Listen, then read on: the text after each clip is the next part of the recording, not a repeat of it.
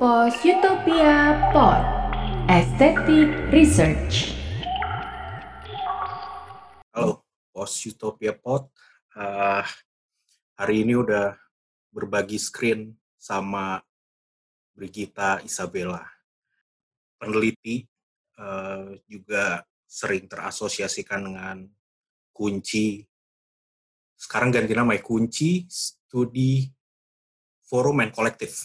Benar ya? Iya. Dan uh, ya uh, Gita banyak juga meneliti tentang sejarah seni di Indonesia. Dan kemarin baru menerbitkan tulisannya di Southeast uh, Southeast of Now. Dan juga kemarin sempat menerbitkan beberapa buku ya terkait dengan sejarah seni di Indonesia. Uh, jadi apa kabar Mbak? Baik, jawaban yang paling standar. Baik iya, dong. Iya. Karena sebenarnya pertanyaannya basa-basi juga. Kita mau mau ngomong apa kalau nggak ngomong baik? Iya, kalau aku bilang apa kabar?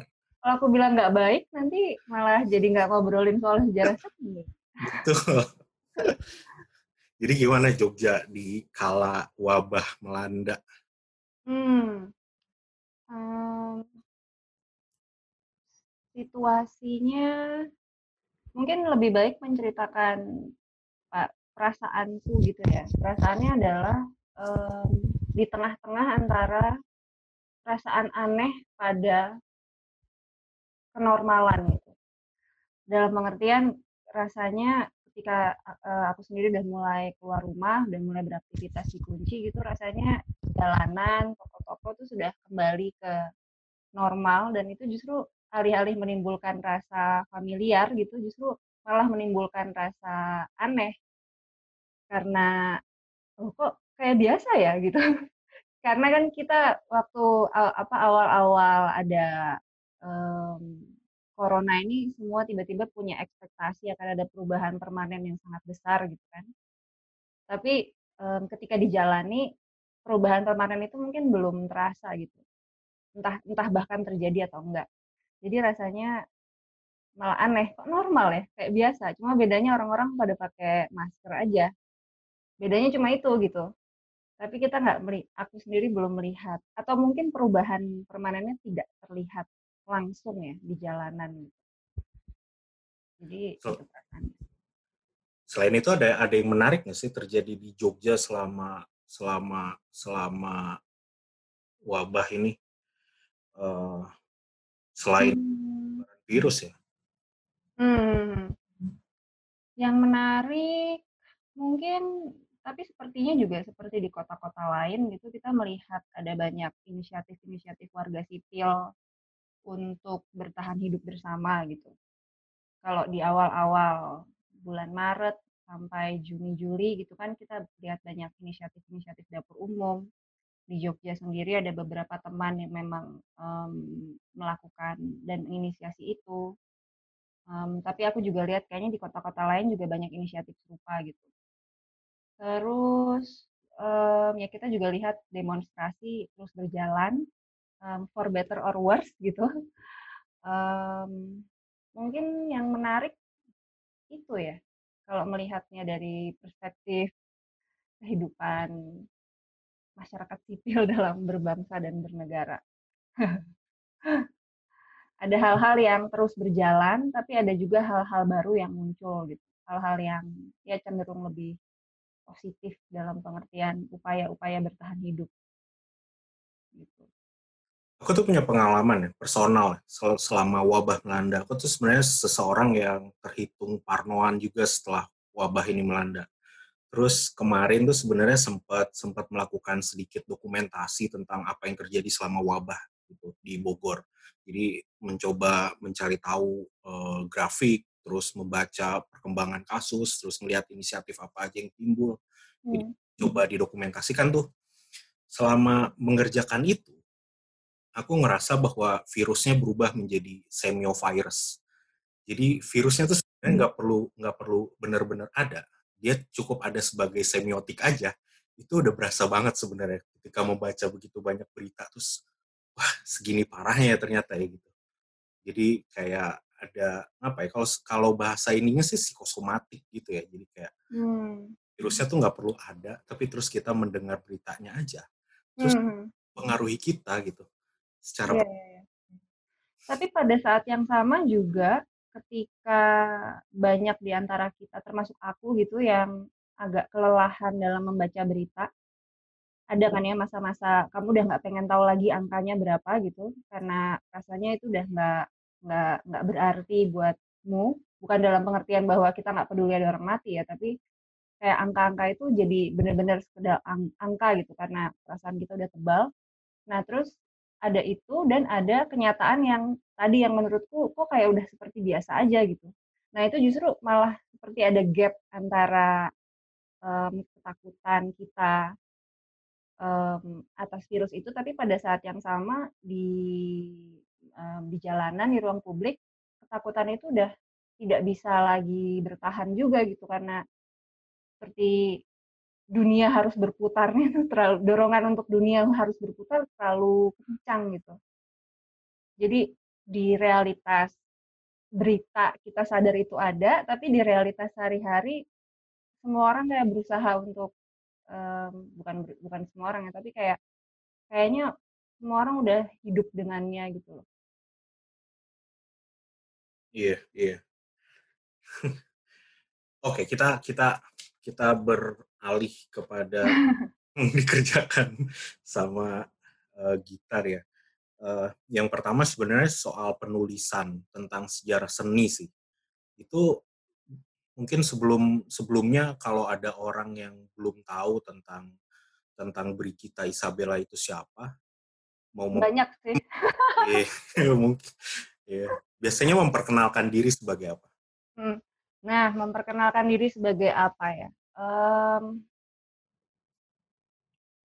memperkenalkan diri mungkin aku sendiri lebih suka menjelaskan diriku atas apa yang aku buat dan dengan siapa aku membuatnya gitu. Ketimbang punya label-label kayak misalnya em, peneliti, penulis, em, kurator dan sebagainya dan sebagainya yang menurutku em, label-label itu sering kali saling beririsan juga gitu. Jadi nggak cukup untuk melihat praktik-praktik yang tengah aku lakukan dalam dalam satu label gitu. Kadang-kadang label itu kugunakan tergantung sama situasinya. Kalau misalnya situasinya lagi di forum apa, forum sejarah seni, mungkin aku nulis peneliti sejarah seni. Tapi kalau misalnya forumnya lagi ngomongin soal kerja-kerja kolektif, misalnya aku lebih suka menyebut diri sebagai bagian dari em, kunci study forum and kolektif gitu. Jadi em, kalau tadi pertanyaan bagaimana menjelaskannya adalah aku menjelaskan diriku sebagai orang yang em, apa berusaha menavigasikan diri di antara objek, orang-orang dan diskursus diskursus yang ada itu dalam kerja-kerja kolektif gitu. Jadi caraku memandang dunia, cara memandang objek, memandang memandang manusia, memandang produksi pengetahuan itu selalu ku coba untuk melakukan em, bersama-sama. Antara lain misalnya aku melakukannya bersama kunci study forum and kolektif itu sebuah riset sebuah ya kolektif riset di Yogyakarta. Aku tergabung di sana sejak tahun 2011 sampai sekarang. Lalu aku juga saat ini sejak tahun lalu eh, bekerja bersama Peretas itu sebuah organisasi tingkatannya Per- Perempuan Lintas Batas. Di situ kami mencoba untuk membangun jaringan perempuan pekerja seni di Indonesia untuk memproduksi pengetahuan feminis bersama-sama. Dan em, aku juga em, apa namanya tergabung dalam editorial kolektif em, Southeast of Now um, Directions in Contemporary and Modern Art, sebuah jurnal yang diterbitkan di um, NUS Press Singapura gitu. Nah di ketiga ketiga kolektif ini um, semuanya punya apa ya lapangan kerja yang sebetulnya saling beririsan gitu antara kerja akademis, um, kerja artistik dan aktivisme kebudayaan. Di situlah aku melihat um, jangkar pengetahuan yang coba aku bangun um, di, di, di ketiga kaki itu bisa dibilang. Oke, kalau misalnya bicara soal uh, melakukan penelitian tentang seni seni rupa di Indonesia, sebenarnya awalnya gimana ya?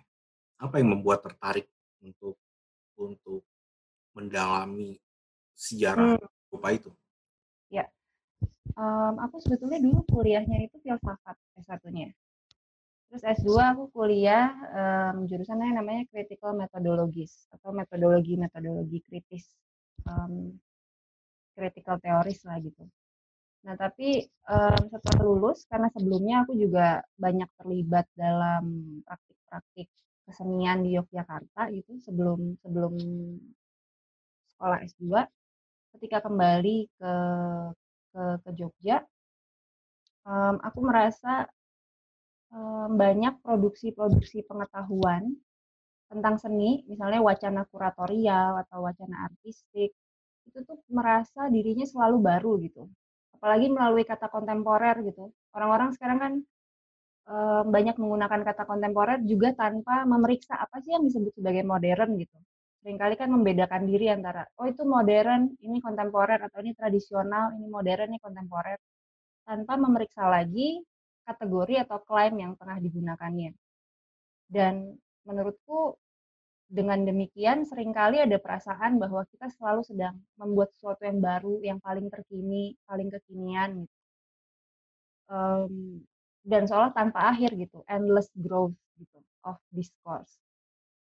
Nah, um, aku sendiri sebelumnya sempat merasa terlibat juga dalam produksi-produksi pengetahuan, misalnya sebagai kurator amatir gitu kan, membaca karya, terus menyambungkannya dengan teori-teori terkini gitu. Tapi kemudian aku merasa um, fungsiku, fungsi intelektualnya tuh hanya untuk memenuhi apa, memenuhi uh, menambah nilai karya buah menambah nilai karya seni seniman gitu um, fungsinya jadi cuma itu doang. Nah karena aku merasa tidak puas, aku merasa ingin punya jalur penelitian sendiri juga gitu. Nah dari dan dan juga karena keresahan akan kenapa orang-orang selalu merasa dirinya baru itulah yang membuatku tertarik untuk uh, menelusuri penelitian sejarah seni karena penasaran sebenarnya apa sih yang berlangsung sebelum sebelum ini gitu dan apakah masih ada pengaruhnya terhadap um, terhadap praktik kita hari ini. Um, kurang lebih itu sih yang membuatku tertarik sama um, sejarah seni.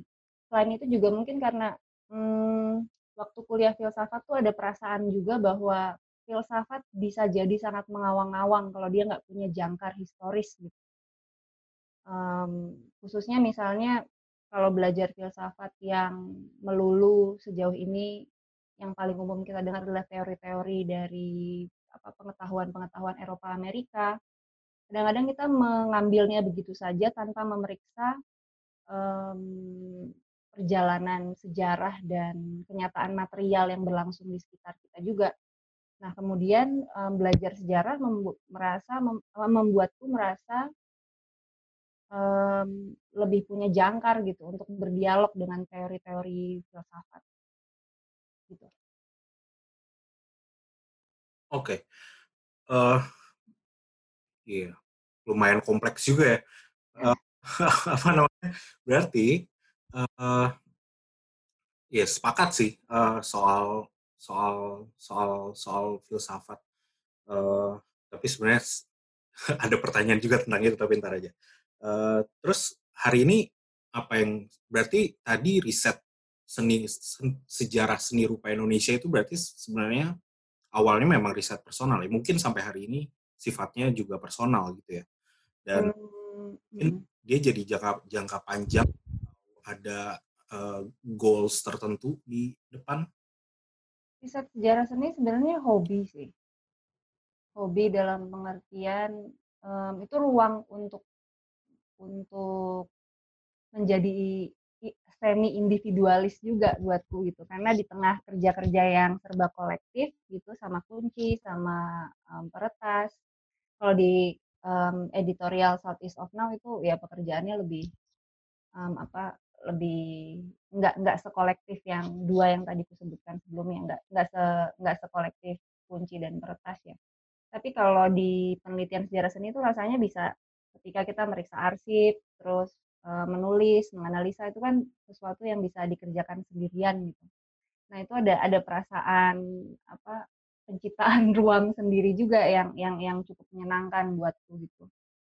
Um, tapi kalau um, kemudian kadang-kadang ada misalnya funding-funding riset sekali untuk um, penelitian sejarah seni, ya akhirnya dia bisa jadi apa namanya um, pemasukan tambahan juga ya ketika apa si hobi ini hobi ini bertemu dengan um, apa namanya funding-funding riset. Tapi ketika uh, mungkin tadi kalau menjawab pertanyaanmu soal apa namanya hmm, si sejarah seni ini um, fungsinya apa gitu atau kenapa kenapa tertarik ketika aku membaca apa karya-karya sejarah seni yang ada di Indonesia gitu yang sudah ada di Indonesia um, aku juga merasa nggak puas gitu. Juga karena selain itu belum banyak juga penulis-penulis sejarah seni um, pertama kita nggak punya sekolah sejarah seni gitu um, jadi kebanyakan sejarawan. Kebanyakan orang-orang yang menulis sejarah seni ya juga misalnya seniman kurator dan sebagainya. Peneliti yang latar belakangnya berbeda. Tapi um, yang menarik kemudian justru barangkali dari situasi ini kita punya metodologi yang lebih menarik gitu dalam menuliskan sejarah seni dalam situasi postkolonial khususnya. Karena kan hari ini juga um, hampir semua bidang menyerukan dekoloni dekolonisasi pengetahuan gitu kan. Nah, um, seperti apa sih? Um, aku tertarik memikirkan seperti apa sih um, penulisan sejarah seni yang nggak melulu harus mengikuti langgam um, sejarah seni ala Euro um, Eropa Amerika gitu. Itu kalau ketertarikan intelektual di um, ranah sejarah seninya ada di situ. Ya itu menarik sih uh, absennya institusi pendidikan ya dalam dalam proses penulisan sejarah seni rupa Indonesia ya. Karena aku melihat sebenarnya begitu banyak hal yang memang tidak kita jalani secara formal. Terus akhirnya begitu banyak yang bisa kita gunakan secara pragmatik. Gitu. Misalnya kayak kayak saya misalnya nggak punya nggak punya latar museologi tapi ternyata ketiban pulung jadi uh, ngurusin museum gitu hmm. kita menarik bisa uh, tapi karena kita nggak punya uh, background yang formal di bidang itu terus tiba-tiba melihat praktiknya menjadi lebih pragmatis saja gitu uh, menggunakan uh, apa namanya dasar dari sana sini dan segala macam jadi kayak lebih bebas untuk bereksplorasi tentang itu uh, hmm. um, terus itu juga nggak sih yang dirasakan sama Gita Um, bisa dibilang begitu ya, karena aku nggak pernah belajar sejarah seni gitu, jadi ketika be awalnya mulai menulis, um, um, aku mencoba untuk yang penting pokoknya objektif sama data itu, prinsip-prinsip yang dipegangnya ya pokoknya kita setia pada apa yang kita punyai gitu, arsip yang arsip yang ada di hadapan kita, sekaligus melihat bagaimana arsip itu diciptakan gitu. Jadi ada meta perspektif meta juga nggak cuma menerima apa yang ditulis apa yang ada di arsip tapi juga melihat bagaimana arsip diciptakan atau ditiadakan misalnya.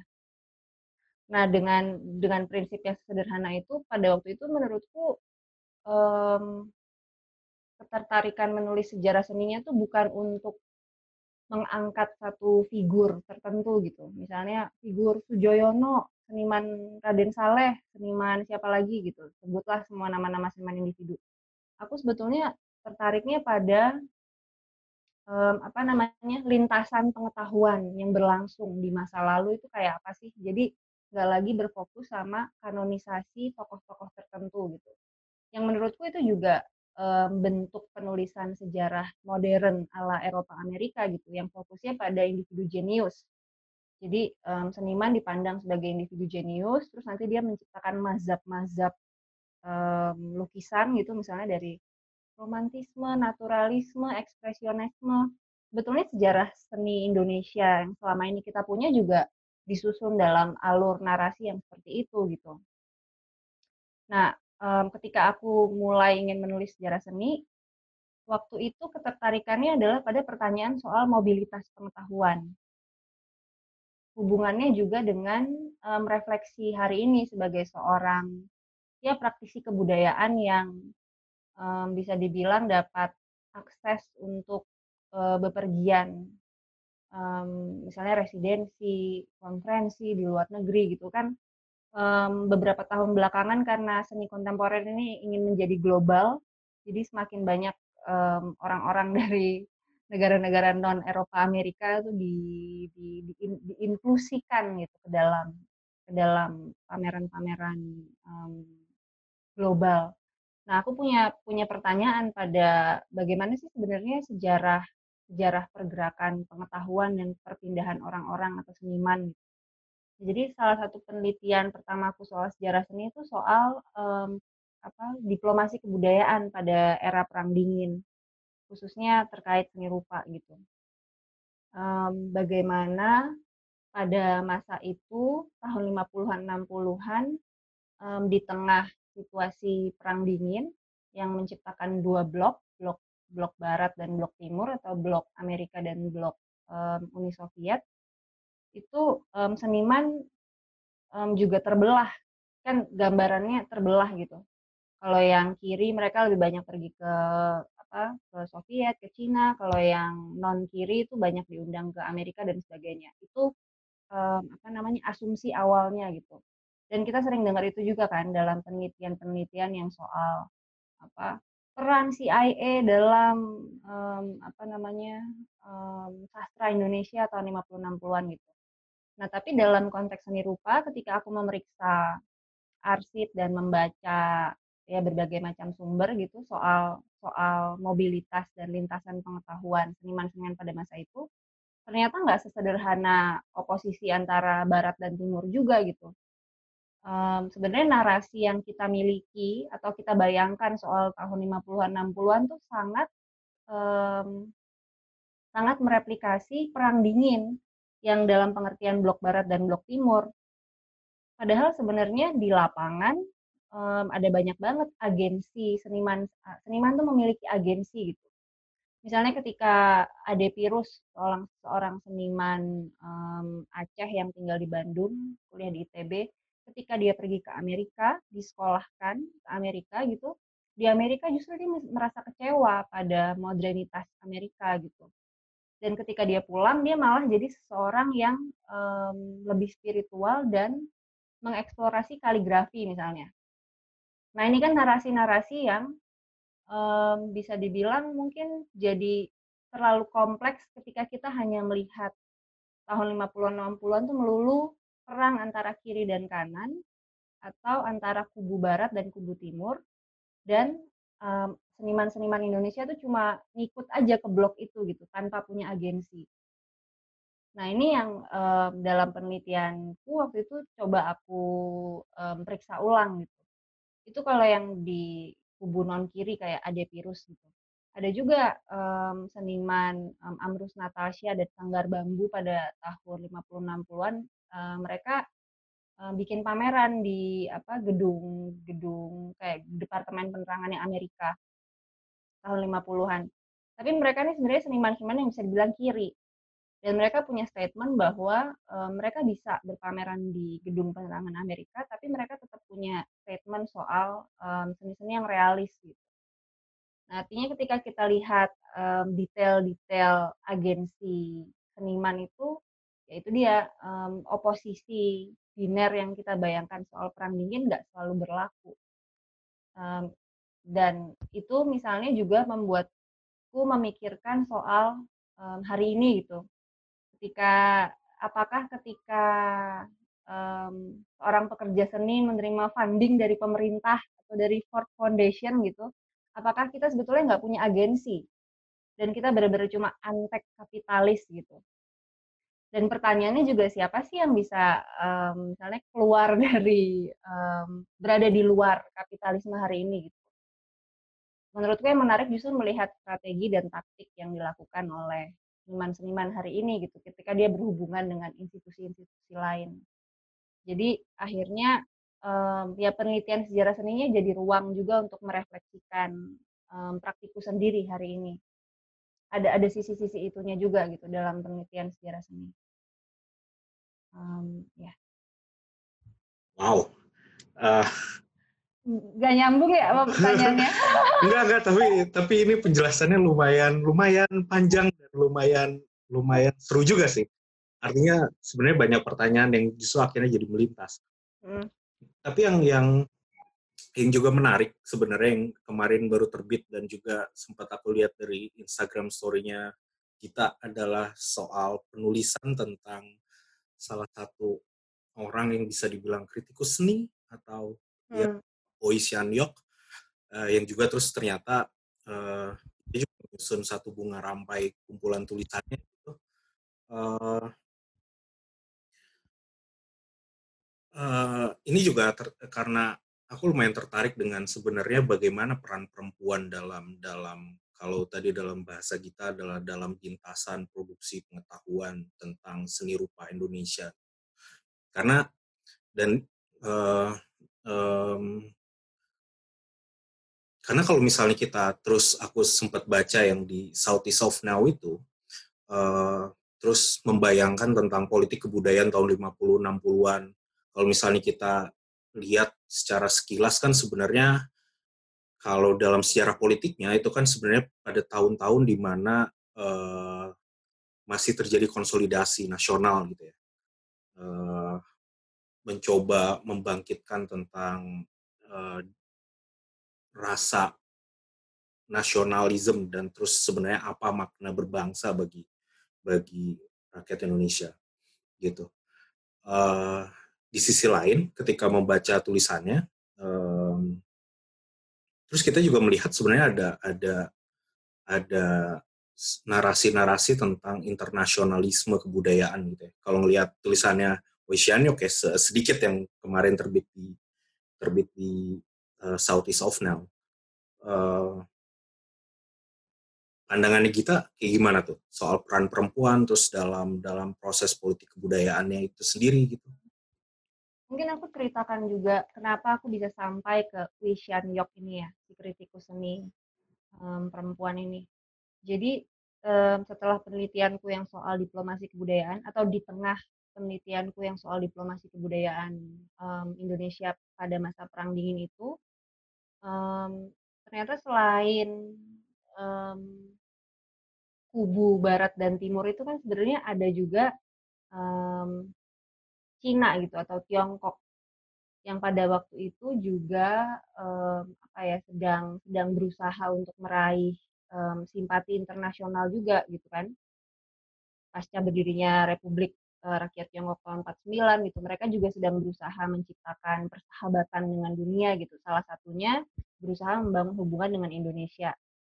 Um, jadi kita tahu misalnya kayak Pram terus ada Sitor um, Sitor Situmorang gitu kan. Mereka semua diberangkatkan ke Tiongkok pada waktu itu untuk melihat seperti apa sih perkembangan di Tiongkok gitu.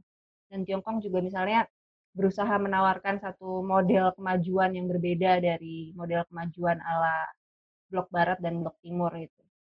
Terus ada juga misalnya itu juga berhubungan lagi dengan apa konferensi Asia Afrika, konsolidasinya Soekarno dengan negara-negara dunia ketiga gitu. Itu sebetulnya um, cerita lain tapi um, sempalan soal hubungan Indonesia dan Tiongkok ini satu satu sempalan yang waktu itu belum sempat aku eksplorasi di penelitianku yang sebelumnya soal diplomasi kebudayaan. Nah, tapi ketika kemudian setelah itu aku mulai memeriksa um, hubungan Indonesia dan Tiongkok dari perspektif kebudayaan pada masa Perang Dingin, nah aku menemukan um, ini malah um, ada satu kelompok seni namanya Lembaga Seniman Yinhua. Itu tuh kelompok seniman Tionghoa yang dipimpin oleh Liman Fong itu pelukis terkenal di istana gitu. Um, pelukis terkenal yang jadi pelukis istana um, buat Soekarno. Nah setelah itu kemudian aku mulai neliti nih soal um, sejarah um, lembaga seni lembaga seniman Yinhua dan um, dalam hubungannya juga dengan politik diplomasi kebudayaan antara um, Indonesia sama Tiongkok pada masa itu. Jadi itu yang kemudian jadi latar belakang kenapa aku bisa sampai ke Wishyanyok salah satunya. Karena gara-gara neliti lembaga seniman Yinhua ini, um, aku jadi membaca arsip-arsip um, majalah yang berhubungan dengan um, komunitas Tionghoa pada masa itu. Nah, si Wishyanyok ini kebetulan nulis di majalah Star Weekly. Uh, majalah yang sempat pemimpin redaksinya adalah PK Oyong, pendirinya Kompas gitu. Majalahnya sebetulnya majalah uh, majalah keluarga gitu kan. Um, ada berita politik di halaman depan, tapi di bagian berikut-berikutnya kamu bisa lihat ada rubrik perempuan, ada rubrik resep, ada rubrik olahraga, termasuk di halaman paling belakangnya itu ternyata ada rubrik kesenian. Nah, um, Wishyanyok ini menulis dengan nama pembantu seni lukis kita. Jadi namanya anonim. Bisa dibilang ya kayak kontributor gitu, kontributor dari mana nggak pakai namanya gitu pada waktu itu aku sendiri um, belum terlalu berusaha mencari tahu ini siapa sih sebenarnya pembantu seni lukis kita. Aku cuma apa ya extracting isinya aja gitu kayak ketika dia nulis soal Yin Hua terus aku jadi membaca dan mengutip menandainya gitu. Tapi belum mencari tahu soal sosok um, penulis ini. Sampai suatu ketika ada seorang temanku um, dia peneliti dari um, aslinya Malaysia tapi sekarang di Australia dia meneliti soal um, apa namanya praktik um, praktik seni perempuan-perempuan di Indonesia, Malaysia dan Singapura gitu. Dia meneliti proses profesionalisasi perempuan-perempuan pada tahun itu gitu. Nah, um, dia cerita bahwa um, ketika dia lagi wawancara sama orang kolektor namanya Wi Hong Jin, Eh, kolektor seni di Magelang yang lumayan terkenal itu um, si Uwe Hongjin ini cerita kalau dia punya um, punya tante yang dulu pernah jadi kritikus seni dulu sekolahnya di ITB namanya Wei Yok dia nulis di Star Weekly gitu. Nah si Ivon ini namanya si peneliti yang tadi aku ceritain cerita ke aku kami sedang ber, ber, ber, bercerita saling bertukar cerita soal penelitian lah. Nah dari situ dari topik penelitianku soal Tionghoa dan topik penelitiannya Yvonne tentang seniman perempuan, ketemulah akhirnya si subjek Kuishan Yok ini gitu. Nah, cerita ini penting bagiku untuk aku ceritakan asal-usulnya gitu, karena sering kali dalam penelitian sejarah seni orang tuh suka buat klaim soal penemuan gitu aku menemukan ini tokoh obskur yang belum pernah dituliskan oleh sejarah seni mana pun gitu kan. Nah buatku um, si Wishyanyok ini hadir melalui banyak banget um, kepentingan penelitian gitu. Aku waktu itu punya kepentingan penelitian soal sejarah seni seniman Tionghoa yang juga direpresi oleh um, sejarah nasional. Begitu pula Yvonne yang sedang meneliti soal sejarah perempuan yang juga sedang um, mengupayakan menceri apa namanya penga, meng, mengungkap lagi gitu cerita-cerita narasi-narasi perempuan yang juga direpresi oleh sejarah nasional maskulin. Jadi lewat dua penelitian yang aku menyebutnya keintiman dari pinggir gitu, dua-duanya topik pinggiran, ketemulah yang disebut um, Wishan Yok. Uh, bukan ketemu ya, tapi dia hadir gitu, sosoknya akhirnya bisa ketemu karena ada dua dua kepentingan ini yang sama-sama berangkat dari ketertarikan meneliti hal-hal yang ter, dipinggirkan gitu. Nah, um, kemudian kalau pertanyaanmu soal peran perempuan, um, sebetulnya ketika aku pertama kali melihat nama pembantu seni lukis kita, aku sama sekali nggak kebayang juga kalau ini perempuan gitu. Kayak langsung awalnya otomatisnya sebenarnya awalnya nggak mikirin gendernya tapi ketika tahu itu perempuan bahwa dia perempuan aku lumayan kaget juga kayak wow perempuan gitu soalnya um, bahkan di imajinasi kita, imajinasi populer kita kan susah ya bayangin tahun 50-60-an ada kritikus seni perempuan gitu.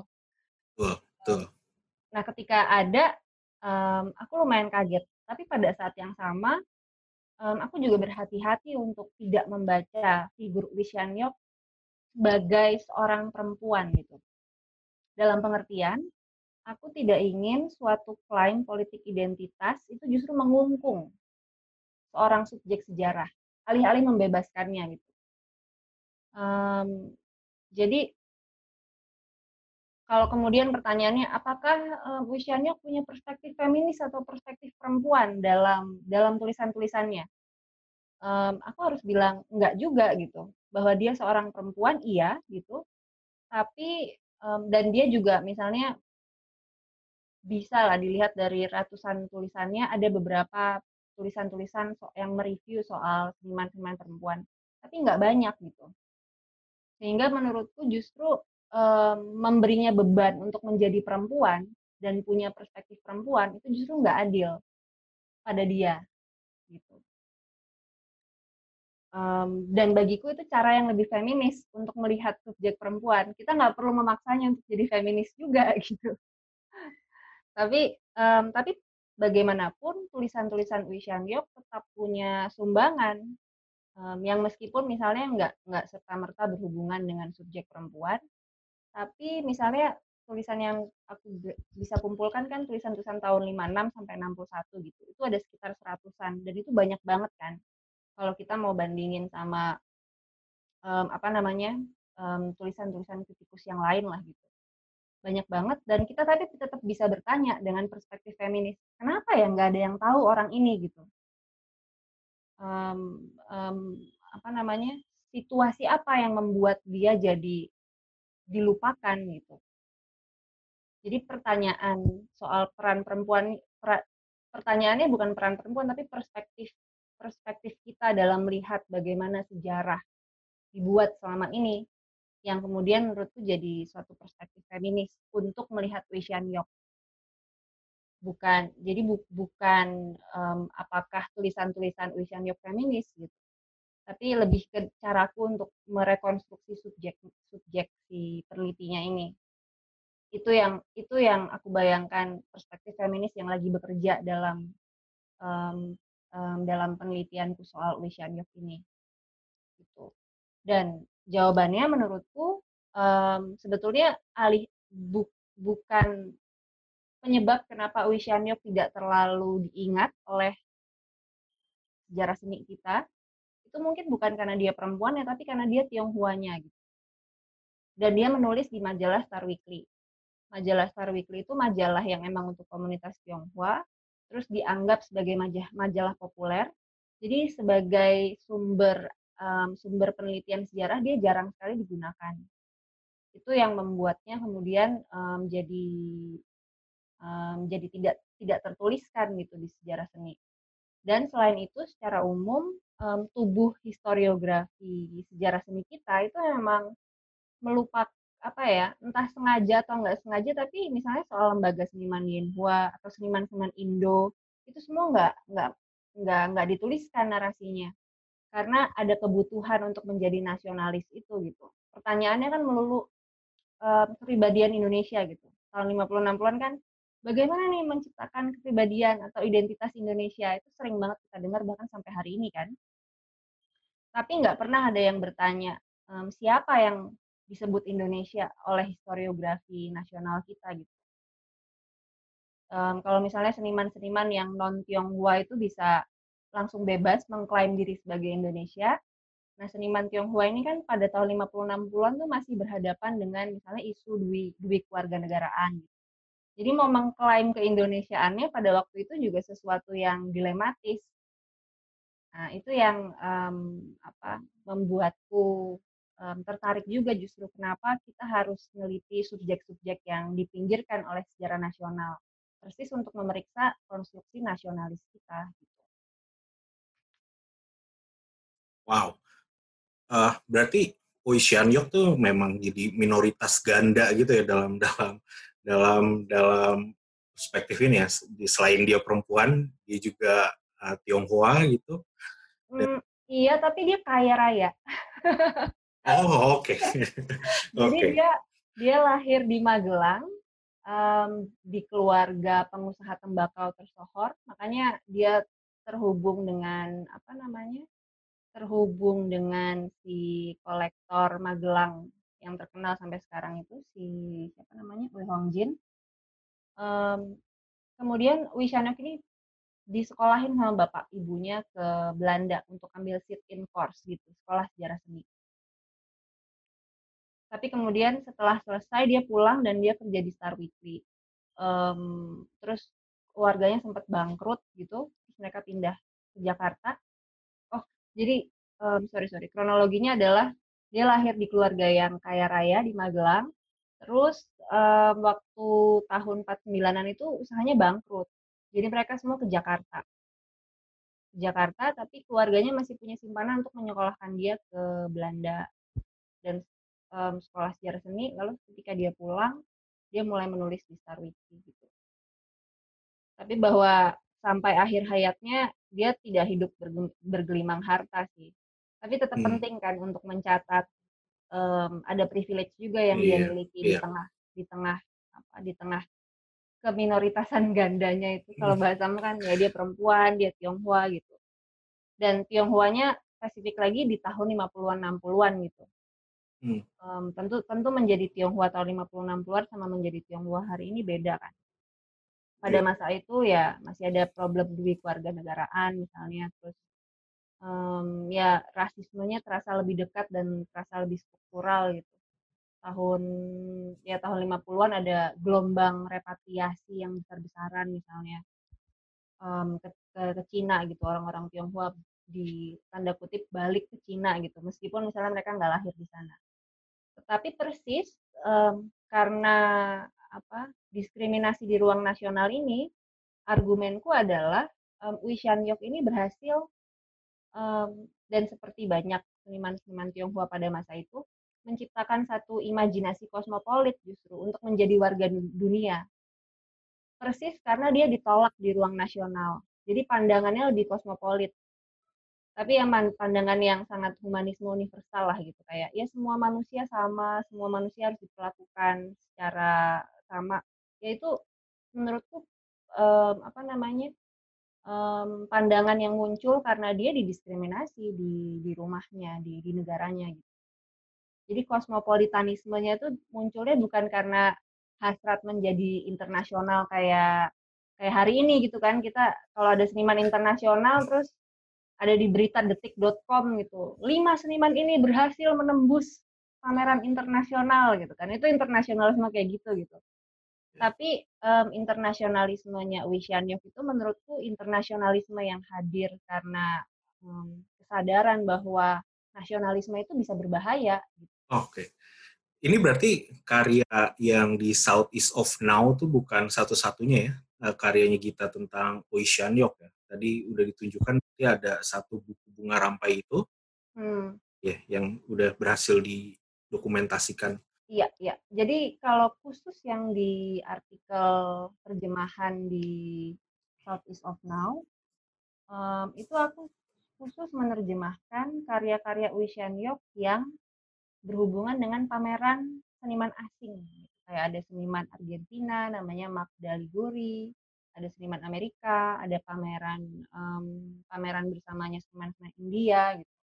Yang aku frame ulang untuk membicarakan um, kosmopolitanisme. Tapi kalau di buku yang Bunga Rampa itu ya itu isinya kurang lebih 100 tulisan review Wishan Yok atas pameran-pameran yang terjadi di um, di Jakarta pada masa itu. Dan ya lebih topiknya lebih luas lah dari sekedar internasionalisme hmm. yang ada di Southeast of Now.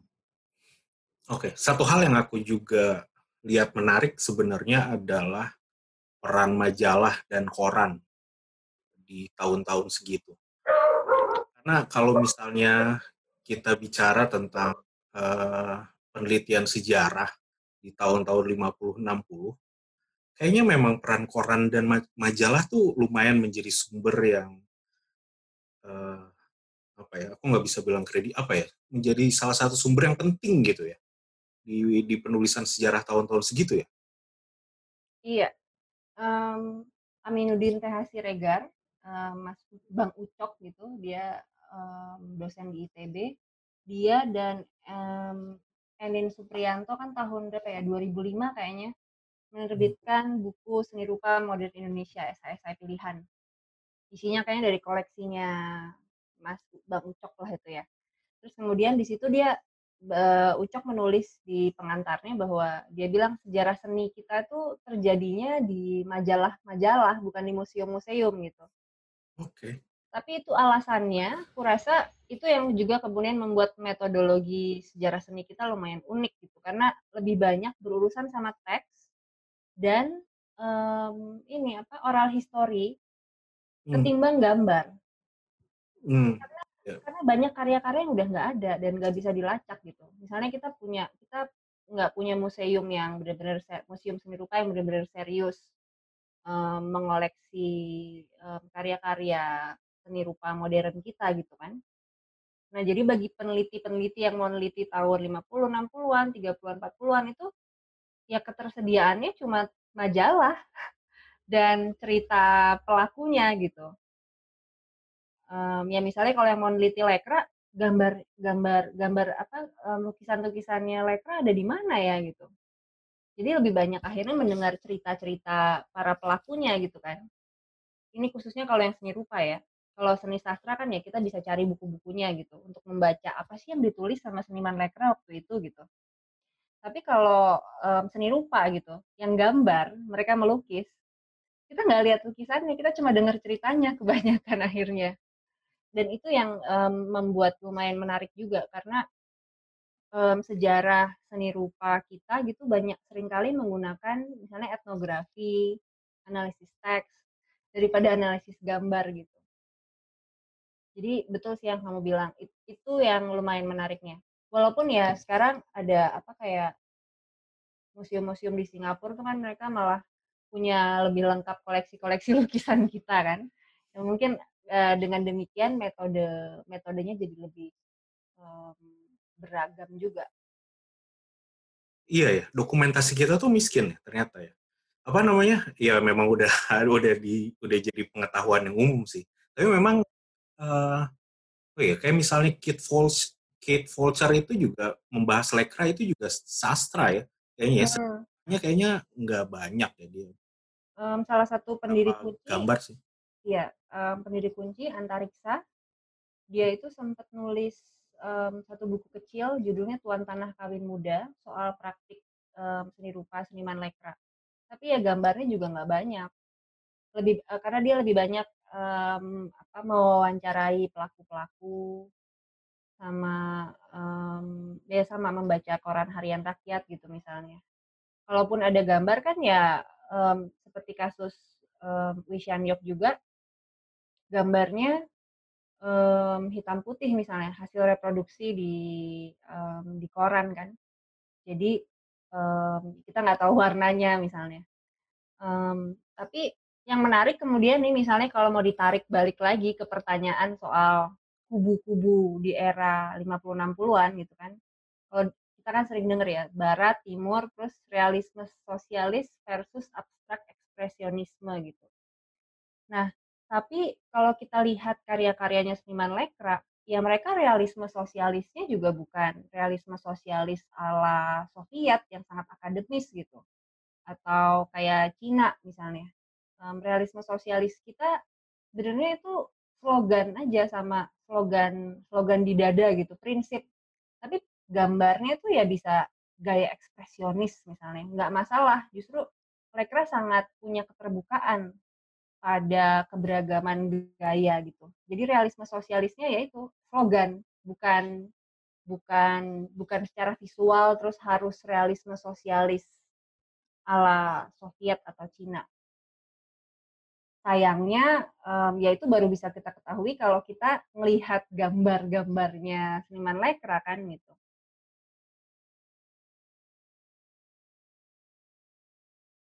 Uh, iya, Iya, sering kali ya. Uh, ini aku jadi ingat ini sih. Aku jadi ingat salah satu apa namanya.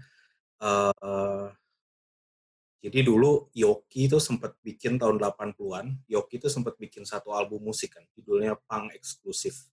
Hmm. Terus meskipun sebenarnya uh, musiknya Yoki waktu itu tahun 80-an itu yang disebut punk oleh orang Indonesia itu adalah the police gitu. Oh. Jadi jadi yang disebut punk oleh orang Indonesia di tahun 80-an itu adalah the police, terus juga uh, apa ya waktu itu ya. Pokoknya sesuatu yang jauh dari dari dari model-model The Class dan Sid Vicious dengan itu. Jadi kadang-kadang ada kita sebutnya apa ya? Distorsi gitu. Mungkin penyelewengan ya. iya, iya. Penyelewengan tapi dalam pengertian yang positif juga gitu karena ada agensi yang dimiliki oleh um, orang yang menyelewengkan gitu kan. Karena um, apa kita kan sering kali misalnya menganggap hal-hal yang datang dari barat itu cuma kita serap dan kita tiru gitu.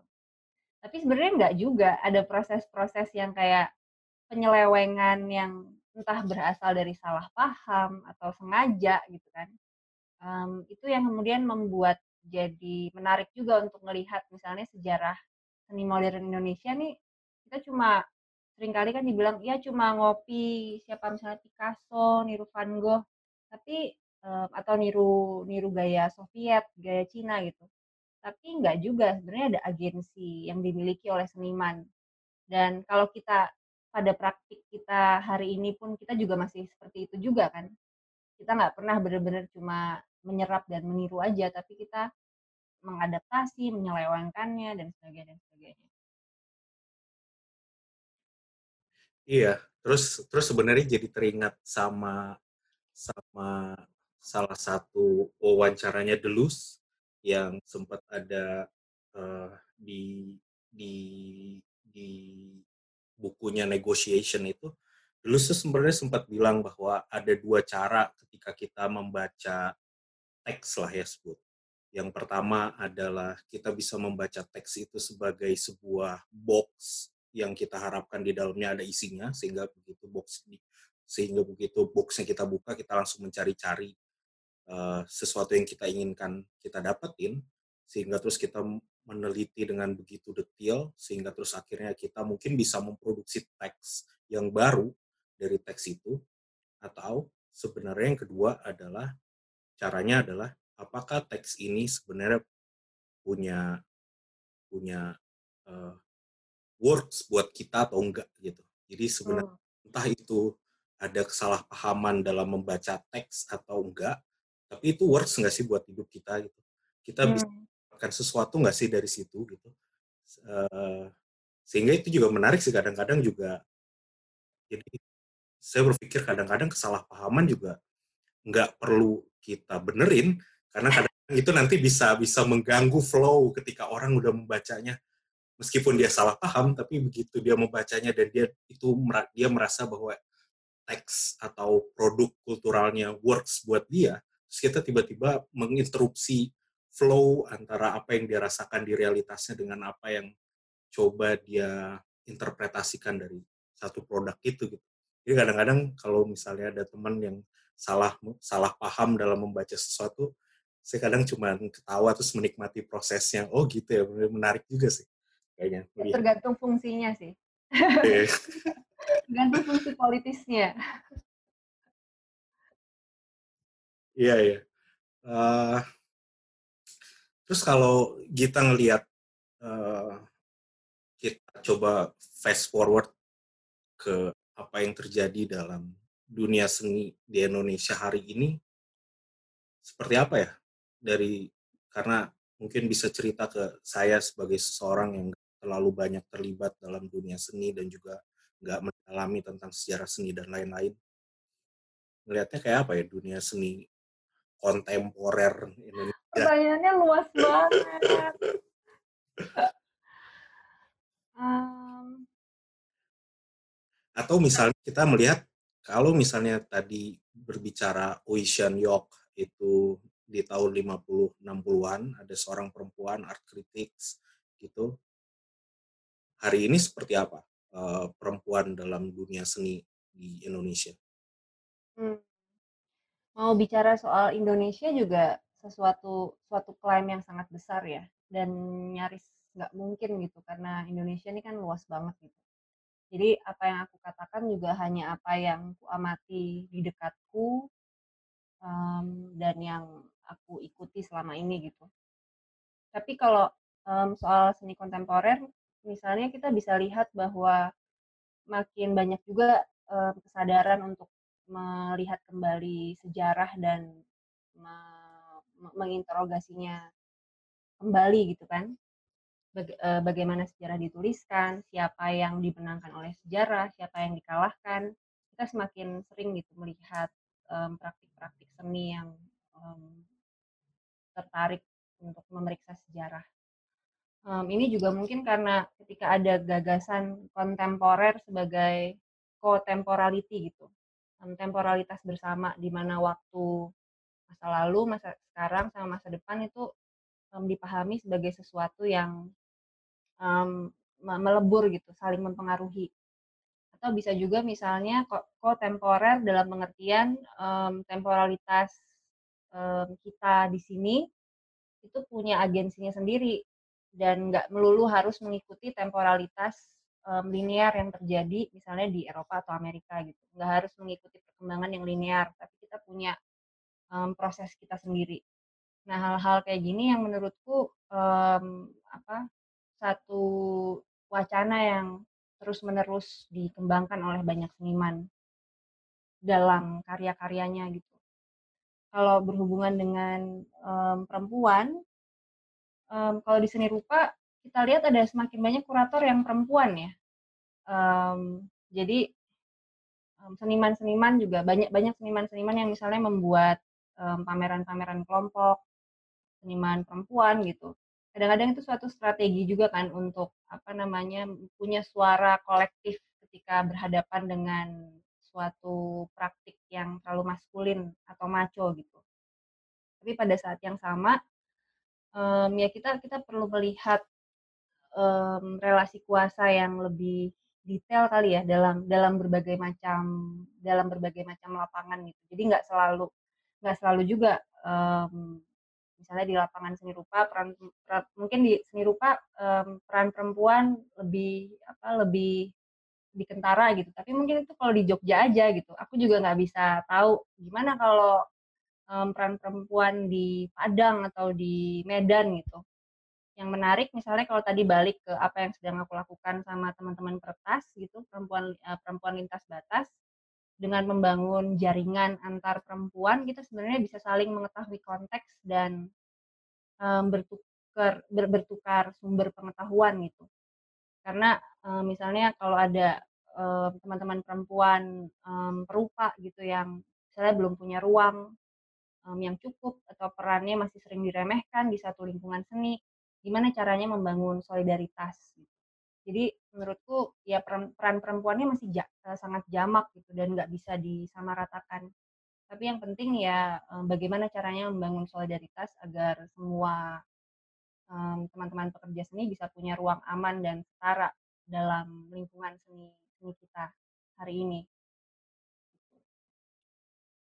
Oke, Terus uh, ke depan apalagi nih yang akan atau yang sedang dikerjakan atau kita bisa berharap ke depan kita akan menghasilkan apa ke depan? Jangan berharap atau jangan berharap sama saya.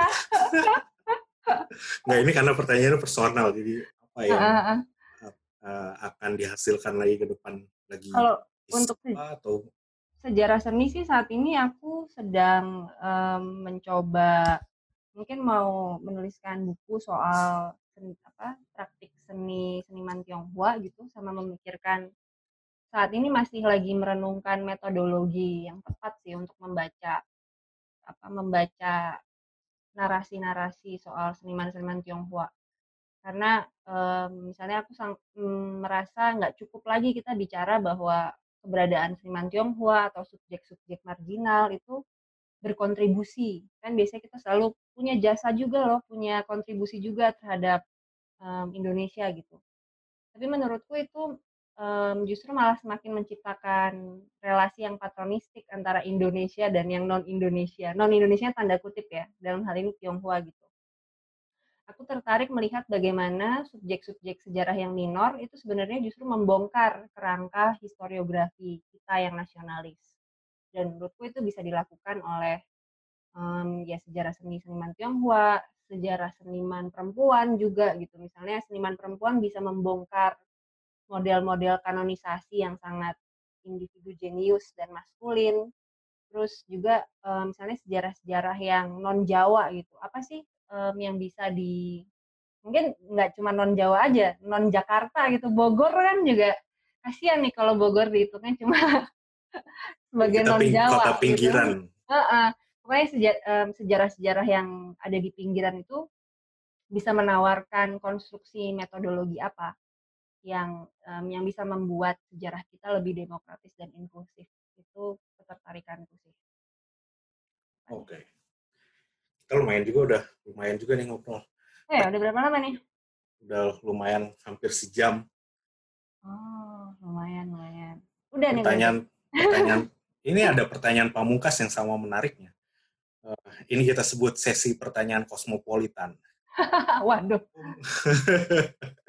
Aku mau bertanya tentang salah satu eh, selebritis uh, yang juga sama problematiknya tentang identitas.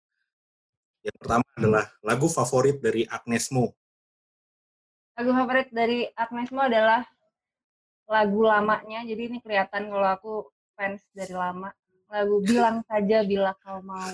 Itu lagu waktu aku kelas 6 SD lagunya Agnes Monica masih ngeden-ngeden lagunya dan itu sangat bilang saja bila kau mau. Keren banget kan pesannya. Keren keren.